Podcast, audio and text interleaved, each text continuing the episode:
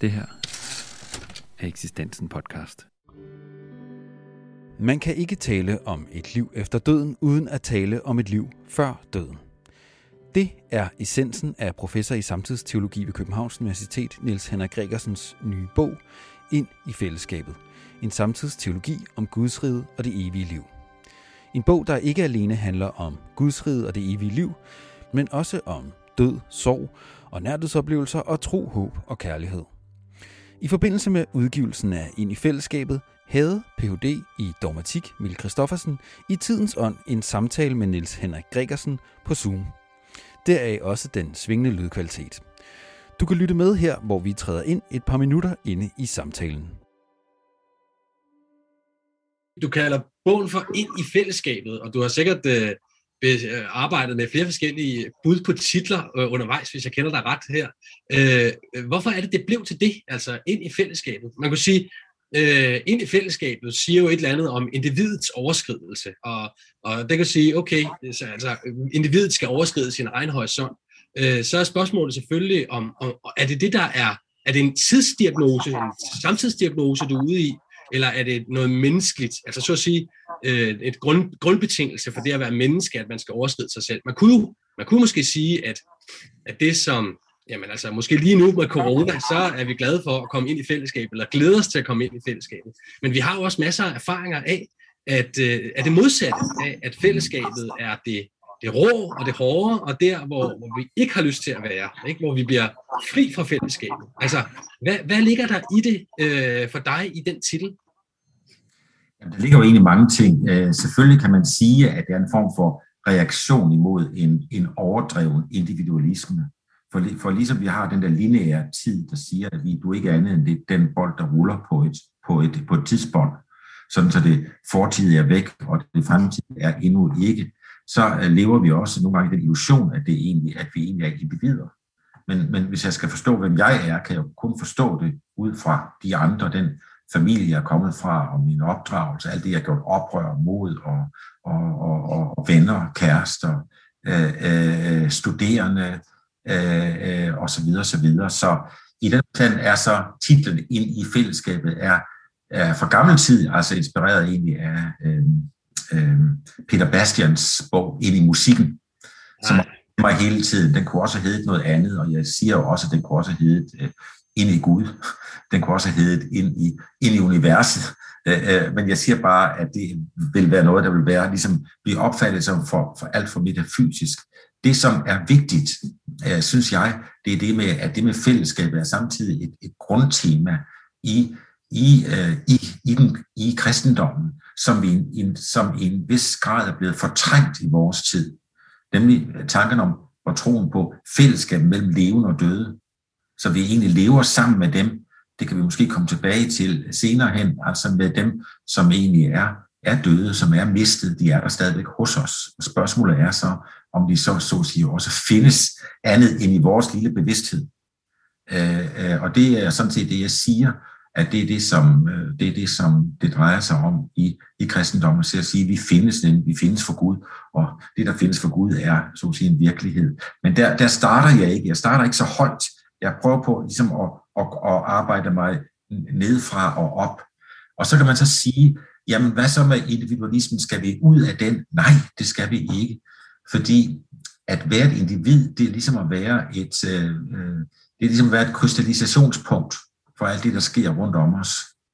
Så vi er ligesom sådan nogle små forvandlingskugler, øh, der egentlig øh, bliver, bliver iltet af de øh, fællesskaber fællesskaber, det vi er del af. Og dermed tænker jeg ikke kun fællesskab med andre mennesker, men også fællesskab med natur, også, også fællesskab med Gud. Og, og altså, det vil sige, der, der, bliver, der sker der egentlig en, en stadig sindsudvidelse, en udstrækning af vores, af, af, af vores sind. Så individet er vigtigt, dels fordi den, det er vores unikke øh, blik på verden, og det skal vi ikke glemme. Så vi skal være glade for, at vi har haft en individualisme og stadigvæk har den hos os. Men individualismen er også vigtig for at placere et ansvar. Det vil sige, jeg kan ikke sige, at det blev nu bare sådan inde i det fællesskab, så gør vi nu sådan. Nej, individet er det, man har ansvar så derfor er, er øh, det etiske dimensioner også knyttet til individet, og ikke kun til, at man skal at man skal tage vare på fællesskabet, men det er mig, der skal gøre det. Øh, for ellers så vil jeg så at sige stadigvæk unddrage mig og ligesom øh, spille bolden videre til de andre. Så derfor er individet vigtigt, men bevægelsen ind i fællesskabet er den, vi, vi, vi savner, og i forstand har, har genopdaget måske nu nødvendigheden af i forbindelse med, med coronakrisen. Øh, men det er altså et fællesskab, som ikke kun er vores nærmeste, men også vores fjerneste, og som faktisk også, øh, altså efter min opfattelse i, i virkeligheden, er der, også selvom vi ikke individuelt er bevidst om dem. Jeg prøver lige at stille det næste spørgsmål, og så ser jeg lige, om jeg kan øh, løse et, øh, et lydproblem her. Der er lidt støj på linjen. Øh, øh, så bogen har to dele, og den første del, den går så lidt mere øh, metodisk til værks, kan man sige. Øh, øh, hvor er, hvad er overhovedet forudsætningerne for at kunne tale om det her med det evige liv? Det er jo sådan lidt vildt, at man overhovedet kan det. Øh, og her nævner det, som du også allerede har nævnt, nemlig begrebet intuitiv tro. Mm. Øh, altså, som for eksempel, at man kan ytre sig i en, eller en tro, der kan ytre sig i en sådan helt grundlæggende taknemmelighed over livet, eller den slags. Øh, men hvor i ligger det intuitivt ved troen? Det er jo ikke, fordi den sådan er selvindlysende, øh, øh, troen. Så hvad, hvad er det, du forstår ved intuitiv tro? Nej, altså troen er ikke selvindlysende i betydningen øh, selvtransparent. Øh, som tro, men også noget som håb, og sådan noget som kærlighed er dybt og undergrundsagtigt. Og det er sådan set det, jeg forsøger at formulere med, med begrebet om, om en intuitiv tro, fordi jeg tror egentlig, det er der, vi alle sammen begynder. Jeg nær sagt, uanset om vi senere lægger afstand til, til tro, eller en eller anden særlig form for tro, eller, eller hvad det er. Intuition bruger jeg, fordi øh, ordet intuition, det betyder noget, det er at se tingene indefra. Og jeg senere i bogen, det er så vist nok faktisk i del 2, går jeg lidt ind på Thor Nørretræners bog, at øh, tro på at tro, hvor han siger, jamen, vi kan i en vis forstand ikke andet end at tro. Fordi verden har så stor en båndbredde, at vi kan ikke have en viden, vi kan ikke, for vi kan ikke handle i verden ud fra en eller anden transparent forståelse af, det her er det sande, det her det er det falske, det her det, det er det etisk rigtige at gøre, det her, det her er det etisk falske at gøre. Vi bliver nødt til ligesom at forsøgsvis at, at, at bøvle os frem, og, og min påstand er simpelthen det, at det er der, vi alle sammen starter. Og det er ikke bundet specielt til det, som så også kaldes barnetroen. Muligvis er barnetroen et rigtig godt eksempel på det, men det er egentlig en, en, en, en, en tro, som så at sige undergrundsagtig tro, som altså også bærer alle mulige øh, refleksioner og forskellige former for, øh, for, for også for skepsis i, i tros spørgsmål.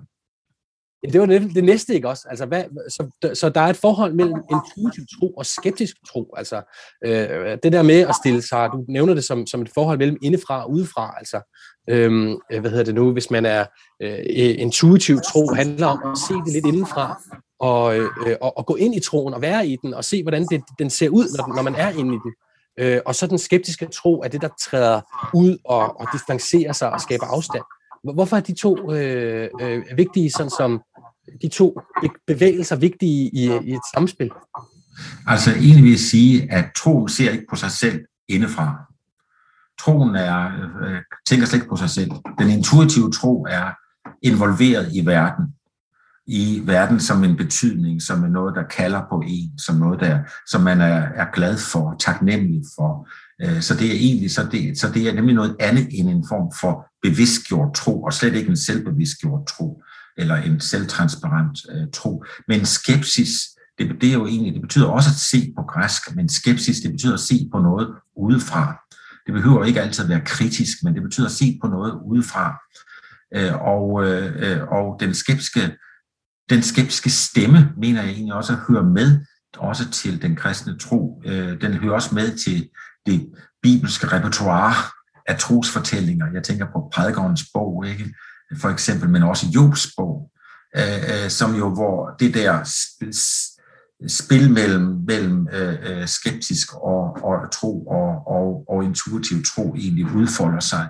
Men det gælder altså også ind i det nye testamente, fordi sådan som Øh, sådan som disciplene de bliver beskrevet i det nye testamente, så er de ikke særlig gode til at tro.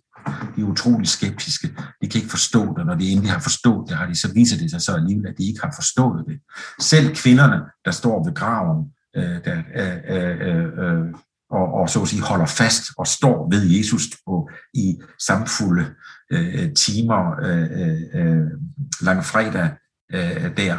De, der står, de, de stod og så på på afstand, står der i alle tre synoptiske evangelier. Mens de andre disciple, de bare løber afsted. Ikke? De skulle ikke associeres med det. Så jeg mener egentlig, at den der, det der spil mellem, mellem, mellem intuitiv tro og skeptisk tro, er noget, der finder sted hele tiden. Og jeg mener egentlig, at vi ikke, derfor skal vi have, lade være med at have sådan et, et perfektionistisk begreb om, om tro. Øh, fordi øh, det ligger i troen, at det er noget, vi, så at sige, vi skifter mellem forskellige tilstande. Vi oscillerer, som jeg siger. Vi lever sådan set i en rytme frem og tilbage, og det er meget vigtigt, at vi også har den der skeptiske stemme, så, så vi ikke bliver, så at sige, godtroende eller, eller naive. For den intuitive tro er også noget andet end naiv tro. Det er sådan, fordi, fordi det drejer sig egentlig om at finde, finde ned til den kilde, øh, øh, som, som egentlig, som det hele drejer sig om. Tro, håb og kærlighed har at gøre med hele den, det, det, øh, den måde, vi er til i verden på, og det kan derfor ikke identificeres med nogle bestemte formler, hverken skabelse, kristologi og pneumatologi, eller, eller fader, søn, helligånd, og, og det vil sige, det er noget, så at sige, noget før teoretisk over det, og det, vil, det er der, jeg begynder i del 1, for jeg synes, det er meget vigtigt for, øh, for at få et frit forhold til, til tro og kærlighed i dag. Man kan også sige det sådan, at jeg, jeg måske synes, at vi, øh, at netop fordi øh, vi øh, lever i en tid, hvor, hvor tro netop ikke er selvfølgelig, så kan vi godt blive grebet af sådan en, en, en selvprofileringstrang. Nu skal vi rigtig profilere vores tro. Og jeg tror simpelthen, at vi i en vis forstand skal slappe lidt af, øh, og, og, og virkelig øh, vende tilbage til, til et, et, et, øh, en, en, en sans for at tro er noget, der foregår i dybet. Vi lever på et dybere niveau, end vi tænker. Og, og vi har også en dybere tro, end den vi kan formulere. Og vi er jo, ren, vi er jo idioter, hvis vi tror, at vi kan formulere det. Men øh, ikke desto mindre, så, så er der, går der her 450 sider med at forsøge at formulere det. Øh, øh, der bliver spurgt, om du kan øh, mute øh, din mikrofon, Henrik, mens jeg, øh, mens jeg taler, og så lidt frem. Jeg tror ikke, det betyder så meget, når det kun er to. Det er min erfaring, men jeg kan godt prøve at gøre det. Så... Ja, ja. Vi, vi, vi, vi prøver, ellers så håber vi, at folk kan leve med det. Øhm, du har allerede været lidt inde i, inde i det her spørgsmål om, hvad er egentlig det evige? Altså, der findes jo øh, utallige øh, Sankt Peter-vidigheder, der handler, eller vidigheder, ikke, der handler om, øh, om det evige som et eller andet med øh, en udstrækning i tid. Øh, jeg vil ikke øh, komme ind på, på øh, nogle af dem her, men, øh, men, øh, men den der forestilling om, at det evige, altså enten øh, en forestilling om at kunne leve evigt, som det at kunne leve time efter time, øh, øh, eller kunne leve på den anden side af døden. Det, hvad er forholdet mellem altså evighed og så de der og så døden som det der det der stoppunkt, altså det der sted hvor hvor, hvor, hvor der går alting også ligesom i, i stykker. Altså hvad, hvad, hvad er øh, hvad er forholdet mellem de ting? Ja, altså i døden, der, går alt, der stopper alting for os. Så jeg går sådan set ind for en, en radikal dødsforståelse, og det ligger i, i, i kapitel 7 i, i bogen, altså til, i indledningen til den mere teologiske øh, del af bogen. Øhm, men øhm, øh, at noget går, går i stå for os, betyder ikke, at det går i stå. Så det vil jo være, for, det, er jo, det er jo sådan set, tro på evighed er jo sådan set netop øh, øh, en, en tro på, at selvom ting de går i stå for mig, så går, så går det ikke i stå. Øh, så derfor siger jeg det så på den måde et sted i bogen, ikke at det evige liv er ikke en motor, der går i tomgang, for så ligesom at komme i gang, sådan at vi nu lever i tiden, og så altså spørgsmålet, om vi så kommer op i evigheden, eller om vi bare bliver trådt og trætter ned i, i intetheden. Øh, men hvad, hvad evighed angår, øh, øh, så er der ligesom to grundkonceptioner af det i, altså i, sådan i filosofiens og teologiens historie. Det ene er at forstå evighed som fravær af tid. Og det er egentlig, i så fald kan man ikke sige noget om det. Fordi vi lever i tiden, og vi tænker i tid og rum, og så hvis øh, evigheden er noget, der, der, er, der ikke er runger og er rummeligt, og ikke, og ikke rummer tiden i sig, så kan vi egentlig ikke sige noget om det. Og, og, og, og min bog er så et forsøg på at tænke det på en anden måde, nemlig, og, og det er der altså også heldigvis en lang tradition for, nemlig at tænke tiden som det, der rummer, rummer øh, evigheden, det der rummer tiderne i sig. Så der i en vis forstand ikke er noget, der går tabt. Og det vil jeg også sige, at selvom jeg nu skulle øh, her efter det her interview skulle falde om øh, og dø, så vil det ikke lave om på, at jeg faktisk har været her. Så det, som man ofte siger, tidens, øh, øh tidens øh, øh, uomvendelighed, tidens irreversibilitet, det, det manifesterer til, til indgørelsen, som siger for eksempel K.I. Løstrup. Øh, og det er jo rigtigt nok i, i, i skabelse og tilindegørelse. Men jeg vil sige, det, det, det tilindegør jo ikke det liv, jeg har levet. Altså det, så det vil sige, det betyder stadigvæk, at vi har været her. Og, og det er sådan set denne, denne øh, var der, er der-agtige sans, som jeg mener bliver, ligger i, i evigheden. I, men, men selvfølgelig begrebet om evigt liv er jo mere sådan en, en biologisk metafor. Det er både evigt, og så er det liv. Så det vil sige, det er ikke sådan en, et, et rent øh, reservoir heller. Det er et evigt liv. Så det vil, det vil sige, der skal, der, der, skal altså, der, der sker altså noget. Ikke? Øh, og hvorimod Guds rige er mere en social metafor i kristendommen, øh, som jo så også har noget mere kvalitativt ved sig. At øh, det er ikke alting, der sker, som, som om hvilket man kan sige, at her, her, det er, her det er Guds rige. Det er der, så at sige, det som Jesus i sin, for, i sin forkyndelse giver eksempler på. Og min pointe er så det, at han giver netop ikke analogier til det. Så når, når, når Jesus siger, med Guds rige er det ligesom, så kan man igen forstå det, så er det en analogi til en tidløs væren, der kommer, som vi så kommer ind i eller ikke kommer ind i efter døden. Men jeg opfatter det som eksempler. Og det er sådan set et, et, en, en nøglebegreb i den, det, der egentlig bærer hele bogen i en vis forstand. Det vil sige, at der egentlig er tale om eksemplificeringer af evigt liv allerede nu. Det var det, som Jesus gjorde med sin forkyndelse, og det gjorde han jo både ved at henvise til naturen, at, at, øh, at frøet lægges i jorden, og der kommer et stort træ op, og vi ved ikke hvordan. Det drejer sig om at, at modtage invitationer fra tilværelsen, altså resonanstilbud, som jeg så siger. Så Guds rige er resonansernes rige, resonanserfaringernes rige. De er ikke alle vegne for os, men, de, men det er dem, der ligesom er fortættede eksempler på det. Og hele troen på, komme dit rige, ske din vilje, som i himlen, således også på jorden, drejer sig egentlig om, at det er det, som der er evighed i her for nede, som der også skal være mere af. Så at sige for oven, eller efter livet, eller, eller hvad vi nu skal sige. Ja, sådan, så der er en sammenhæng. Altså det, du er egentlig optaget af, man kan sige, i forhold til det evige liv, så, så har der måske været en meget stor øh, bevægelse, også i teologien, og, og måske forståeligt nok altså på at sige, jamen det, det, det, efterlivet, øh, efterlivet, det ved vi ikke noget om, og derfor må vi også tænke det som sådan radikal, øh, Øh, det modsatte, eller radikalt noget andet end det, som vi erfarer her.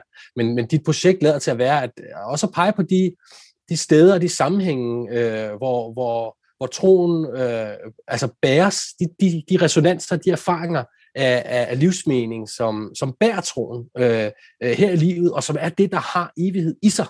Er det, er det nogen rigtig forstået? Ja, det er, er fuldstændig rigtigt forstået, øh, øh, Mikkel, som altid. Øh, det er, der er tale om, at øh, er noget, som altså, er helt centralt i Jesu forkyndelse, og som Paulus tager op på en anden måde ved at tale om, at tro, håb og kærlighed hører til det forblivende. Altså det, der for, forbliver. Det vil sige, og, og igen er det ikke sådan noget med din tro, min tro. Det er så at sige troen som en fælles relation, forbundethed med, med Gud, med Kristus, der kommer os i møde. Og i, i hele denne forståelse af Kristus som Guds and, ord eller ansigt, er jo netop det, er, er, ligger der jo allerede en, så at sige, noget resonans i. Grundtvig talte jo også om, om menneskets selv som et genlydsord af det, af det guddommelige ord. Så der altså sker en, en, en form for spænding mellem det fremmede og det, der er hos en selv. Og i den forstand er, er både tro, håb og kærlighed øh, øh, egentlig resonanserfaringer, Øh, øh, som strækker sig ud over tidens nu. Og, og hvis man skulle sige, der kunne være sådan en kulturkritisk øh, pointe i det, jeg siger, jeg gør nu ikke meget ud af det, for jeg har ikke lyst til at, og hvad skal man sige, og, og positionere mig på den måde. Men altså hele den opfattelse at sige, at du skal leve i nuet. Og man skal ligesom have et stort apparat i gang for at kunne leve i nuet. Og så betyder det, det at leve i nuet, betyder egentlig at leve for sig selv. Bortset fra det flow, vi har med, med, med, med omgivelserne. Derfor tror jeg i stedet for på en meget mere generøs vision for tro, håb og kærlighed, og det er sådan set det, som der netop er evighed i, og som der ifølge den kristne tro, så at sige, øh, bliver mere af. Men, og, og deri ligger altså også en, en tolkning af øh, talen om Kristus. Det Kristus er jo sådan set Guds ord, det er også Guds visdom. Og det drejer sig egentlig om, at vores visdom skal komme i samklang med Guds visdom. Det er et resonansforhold. Det drejer sig også om, at i håbet, øh øh, øh, øh, der har vi egentlig en, der, der øh, har vi en, ja, ikke kun en længsel, men der har vi altså en strækken os ud mod det i et håb om at blive imødekommet. Og talen om, om Kristus som Guds ord, som Guds ansigt eller Guds stemme, er lige netop en forståelse af, at, Gud er det, at Kristus er den, der kommer os i møde. Og det er også det, som egentlig, som jeg ser det, øh, opstandelsesfortællingerne handler om påskemorgen. At I skal ikke lede efter ham i graven. Se, han er ikke her, står der, ikke? Øh, og de er forskrækket, dybt forskrækket, fordi de siger, øh, at der er ingen af dem, der siger, yes, vi vidste godt, han selvfølgelig han opstand, fordi han hører Gud til. Der er ingen, der siger det. De blev derimod forskrækket, bange, løb bort, og disciplerne sagde, at det var løs kvindesnak, da de kom tilbage, i hvert fald ifølge Lukas. Så, så får de så at vide af stemmen, se, han er ikke her, eller frygt ikke, se, han er ikke her, han er gået foran jer til Galilea, og så har jeg så tænkt meget på, hvad kan du være, det der med Galilea, det virker så meget sådan geografisk øh, mærkeligt, ikke?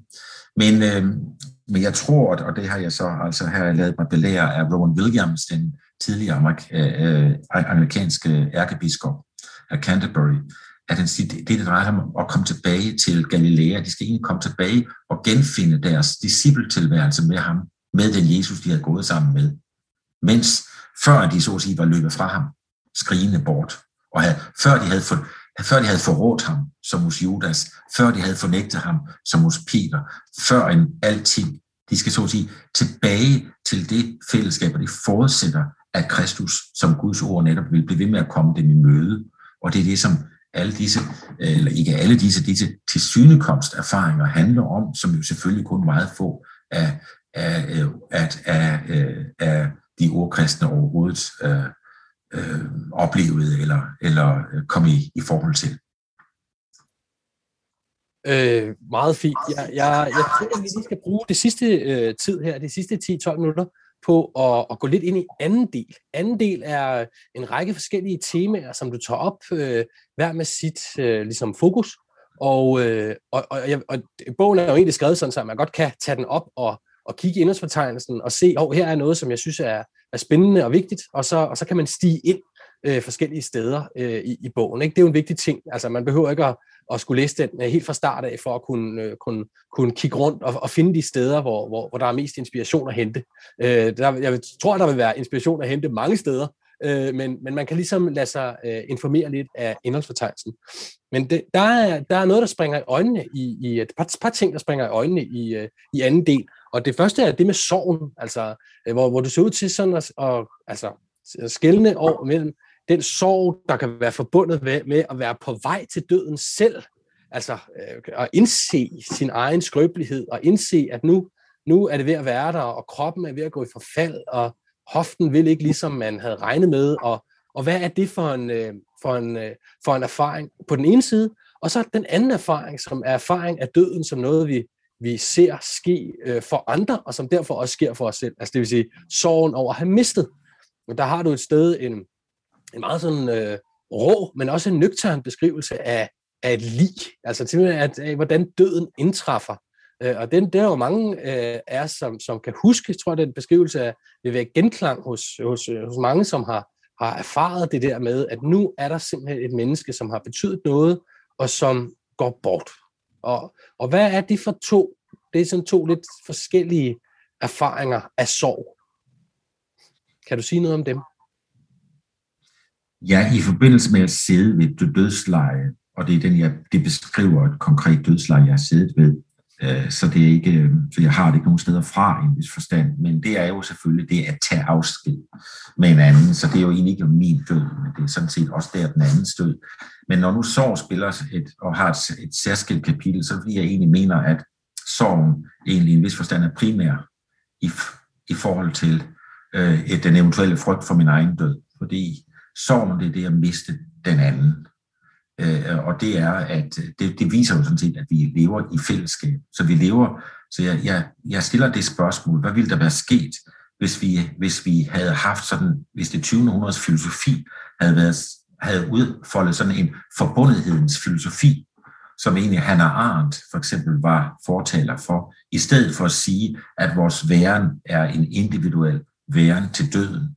Og så synes jeg også, at at det er jo så også, der er også et eller andet reduktivt ved det, fordi øh, det, som vi alle sammen har fået at vide også, og har lært på universitetet, også på det teologiske fakultet, det er at sige, jamen, øh, hvad er det, øh, altså, jeg skal så at sige selv forstå, at jeg skal dø. Øh, ikke selve det, at jeg skal dø. Men, men der bliver man i vis forstand igen kastet tilbage på sin egen individuelle øh, øh, måde at forholde sig til sin egen død på. Og hvad nu, hvis vi nu i stedet for skal forholde os til det fællesskab, som jo også smuldrer imellem os, ikke? Og når man bliver ældre, så begynder man jo også at smuldre for hinanden. Øh, og hele denne sammenhæng, synes jeg, har, har været meget vigtig, og, og jeg har der en, øh, altså, jeg tror ikke, jeg siger noget, der, der sådan set er særligt originalt i det kapitel om sorg, men, men det er i hvert fald godt at vide, at sådan en som Freud øh, mente, at det, det drejede sig om, det var at komme så hurtigt muligt over sorgen man skulle så at sige disconnecte forbindelsen til den afdøde, for at komme videre, som man siger. Og alting i dag drejer sig om at komme videre, og det kalder jeg en tabuisering af, af, af døden øh, øh, øh, i virkeligheden, og, i den, og også en tabuisering af, den, af, af sorgen, af tabet af den anden, hvor altså øh, nyere for, øh, sorgforskning faktisk siger, at det drejer sig også om at, at bevare en, en kontakt og en forbindelse med de afdøde. Jeg mener, på samme måde også det gælder i forhold til de andre ting, vi har mistet. Vi kan for eksempel have mistet kærligheder undervejs. Ikke? Øh, også dem drejer sig om at kunne bevare et sted i sig selv, i stedet for bare at disconnecte. Så er der et andet emne.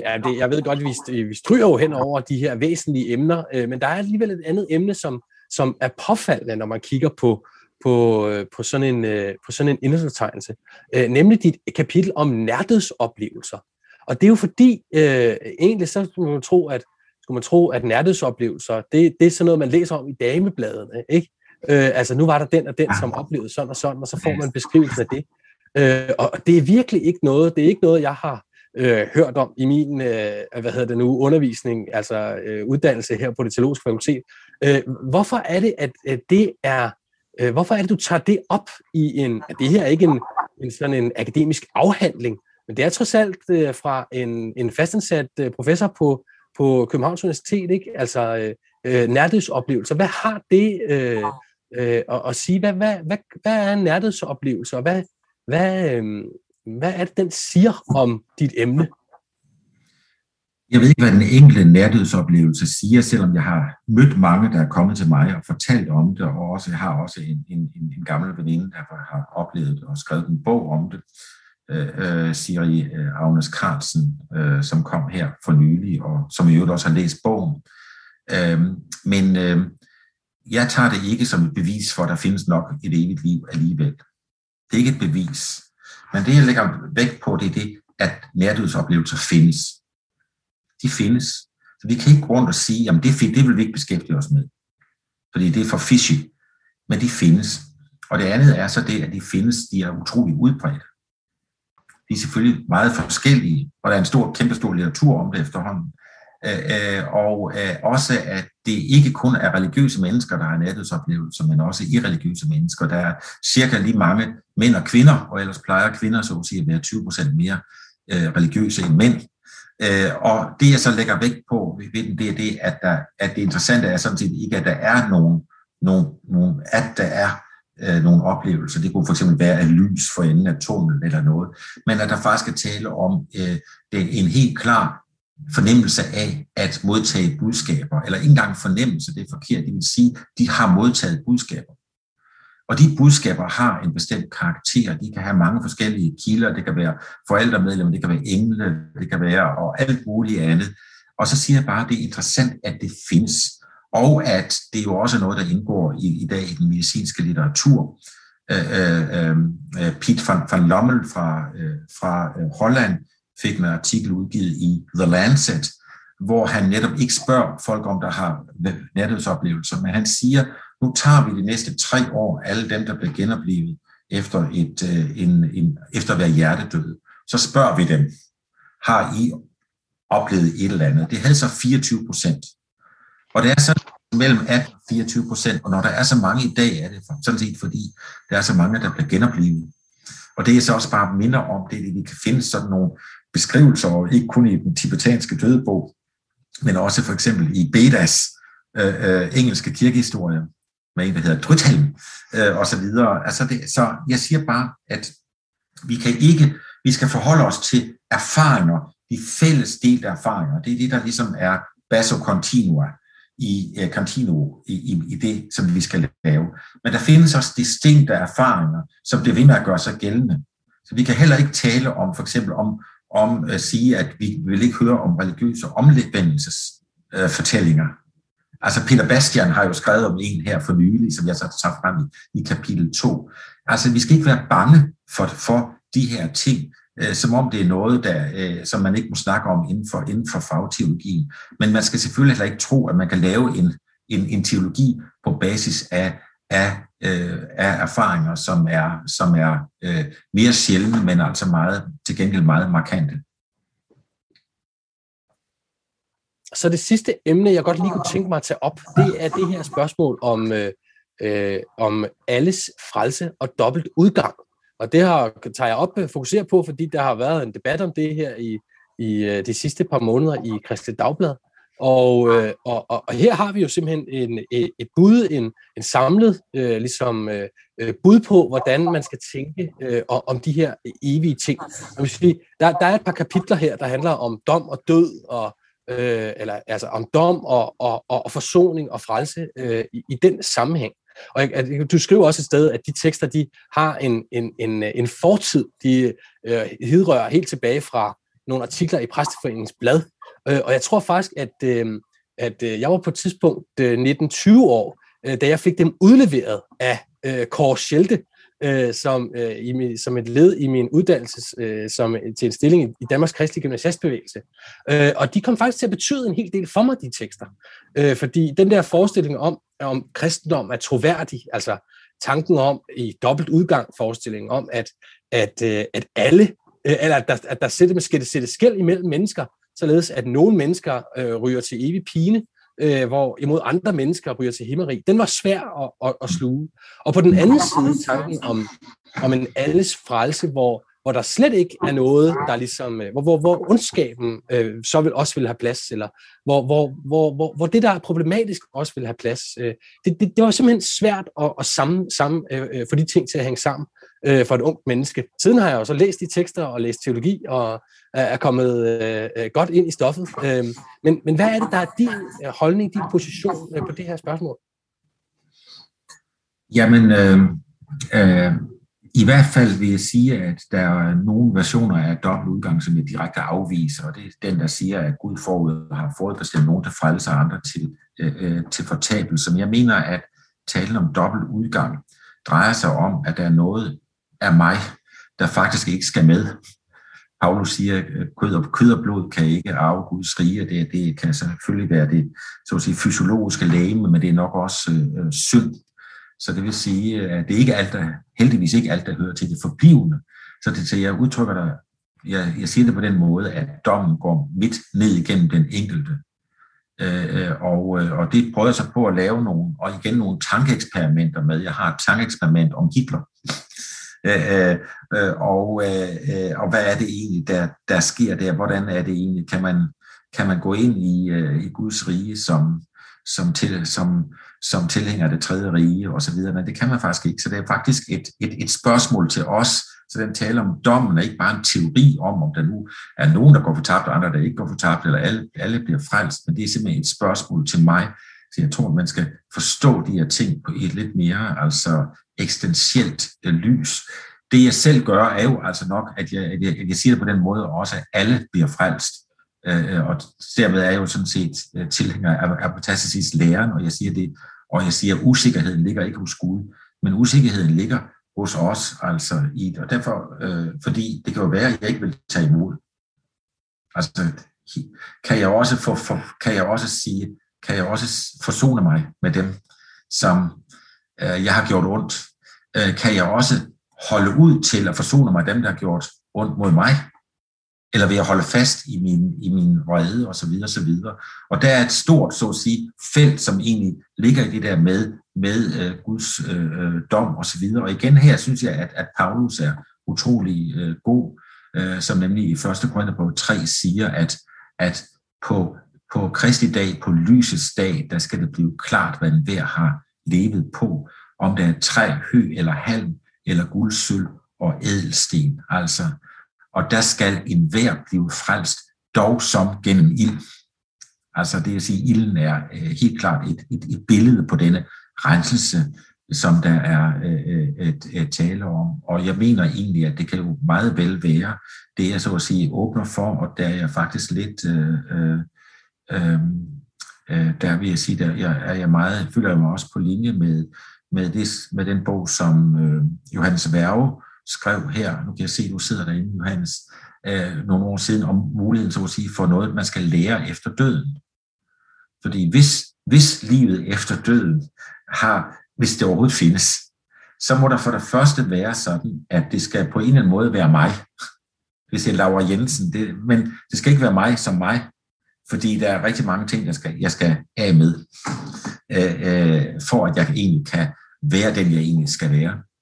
Øh, og samtidig er jeg altid et, et enkelt, øh, altså opstandelsesmetaforen drejer sig egentlig om en form for individualitet eller en person, øh, øh og, øh, eller med min livshistorie. Jeg, jeg tolker kødets opstandelse som livshistoriens genopstandelse øh, øh, i denne øh, skikkelse.